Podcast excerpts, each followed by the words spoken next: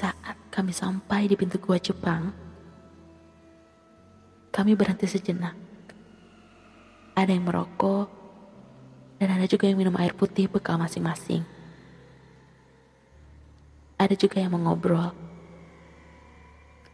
Kami tidak langsung masuk, karena nampaknya Om, Kang Ujang, dan beberapa teman lain melakukan semacam ritual atau entah apa itu. Yang pasti mereka membaca doa di depan gerbang gua Jepang. Lumayan lama. Mungkin sekitar 15 sampai 25 menit. Sementara di sisi lain karena keresahanku, aku minum air putih yang kubawa yang kuhabiskan karena tinggal sedikit lagi.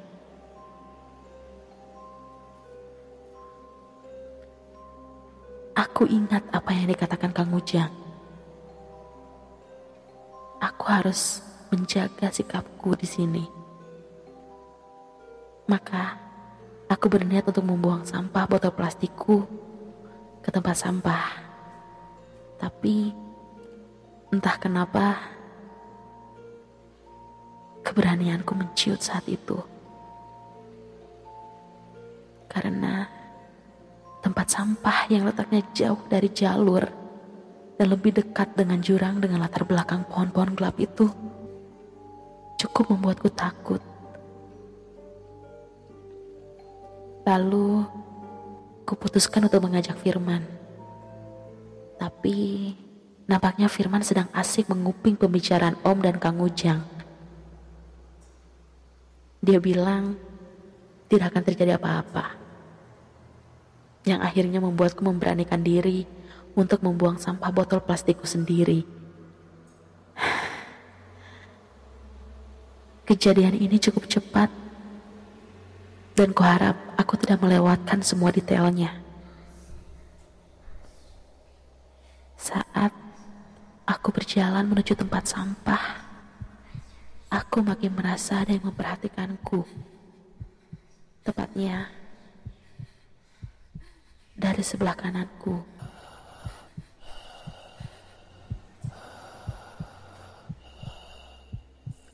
Aku sempat menengok sebentar. Dan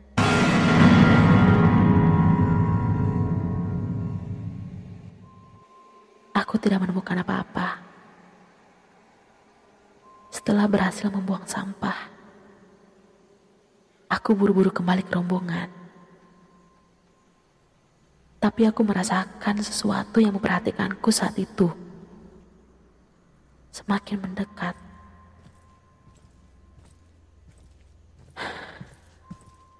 Lalu, aku duduk di sebelah Firman. Karena rasa penasaranku, Aku menengok lagi ke tempat di mana aku merasakan ada yang memperhatikanku.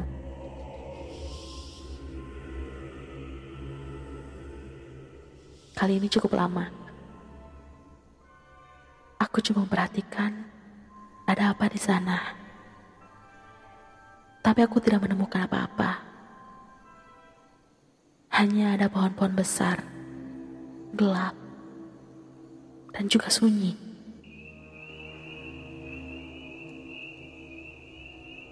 Tapi perasaanku mengatakan hal yang sebaliknya.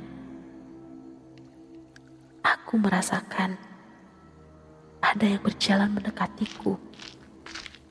Entah apa itu. Sampai akhirnya nafasku terengah Aku gelisah. Dan kuputuskan untuk memberitahu Firman apa yang aku rasa.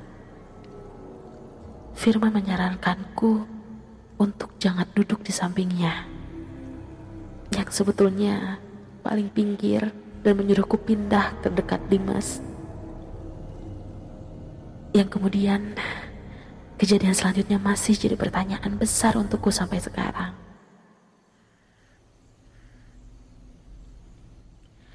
Aku gelisah. Seketika tangan kananku gemetar. Aku sesak. Badanku lemas. Aku tidak tahu apa yang terjadi padaku. Lalu, tiba-tiba saja, sebuah teriakan melengking seperti kesakitan keluar begitu saja dari mulutku.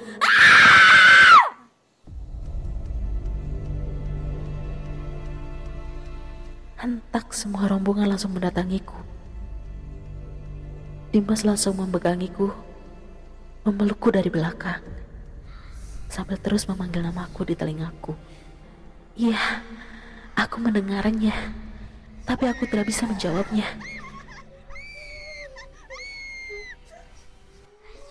Tiba-tiba seseorang di belakangku meraung bagai macan.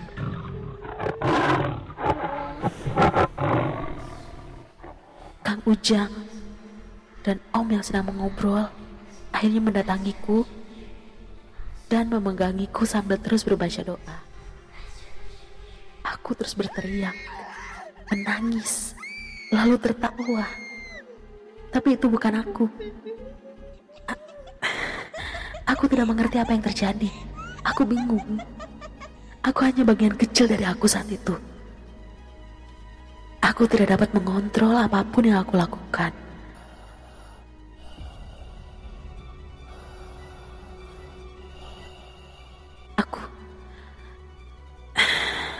Aku antara sadar dan tidak sadar, gelap dan terang. Aku terus mencoba melawan. Aku mencoba untuk sadar. Dan akhirnya, Bang Ujang pindah menggantikan posisi Dimas. Sambil terus bilang, Neng, istighfar Neng. Dan memukul punggungku di bagian tengah, lalu menariknya ke atas. Tapi ceritaku makin menjadi. Om di sisi kiriku terus mengelus pundakku. Sambil berusaha menyadarkan aku dan meniup kepalaku. Kemudian, Kang Ujang pindah ke sebelah kananku. Menusuk dadaku dengan kedua jarinya ditarik sampai ke tenggorokanku dan aku berteriak sekencang-kencangnya. Seakan-akan aku sangat kesakitan. Dan sontak, aku langsung tersadar. Dan aku langsung muntah. Betapa kagetnya aku ketika yang kulihat dalam muntahanku adalah cairan berwarna merah. Darah.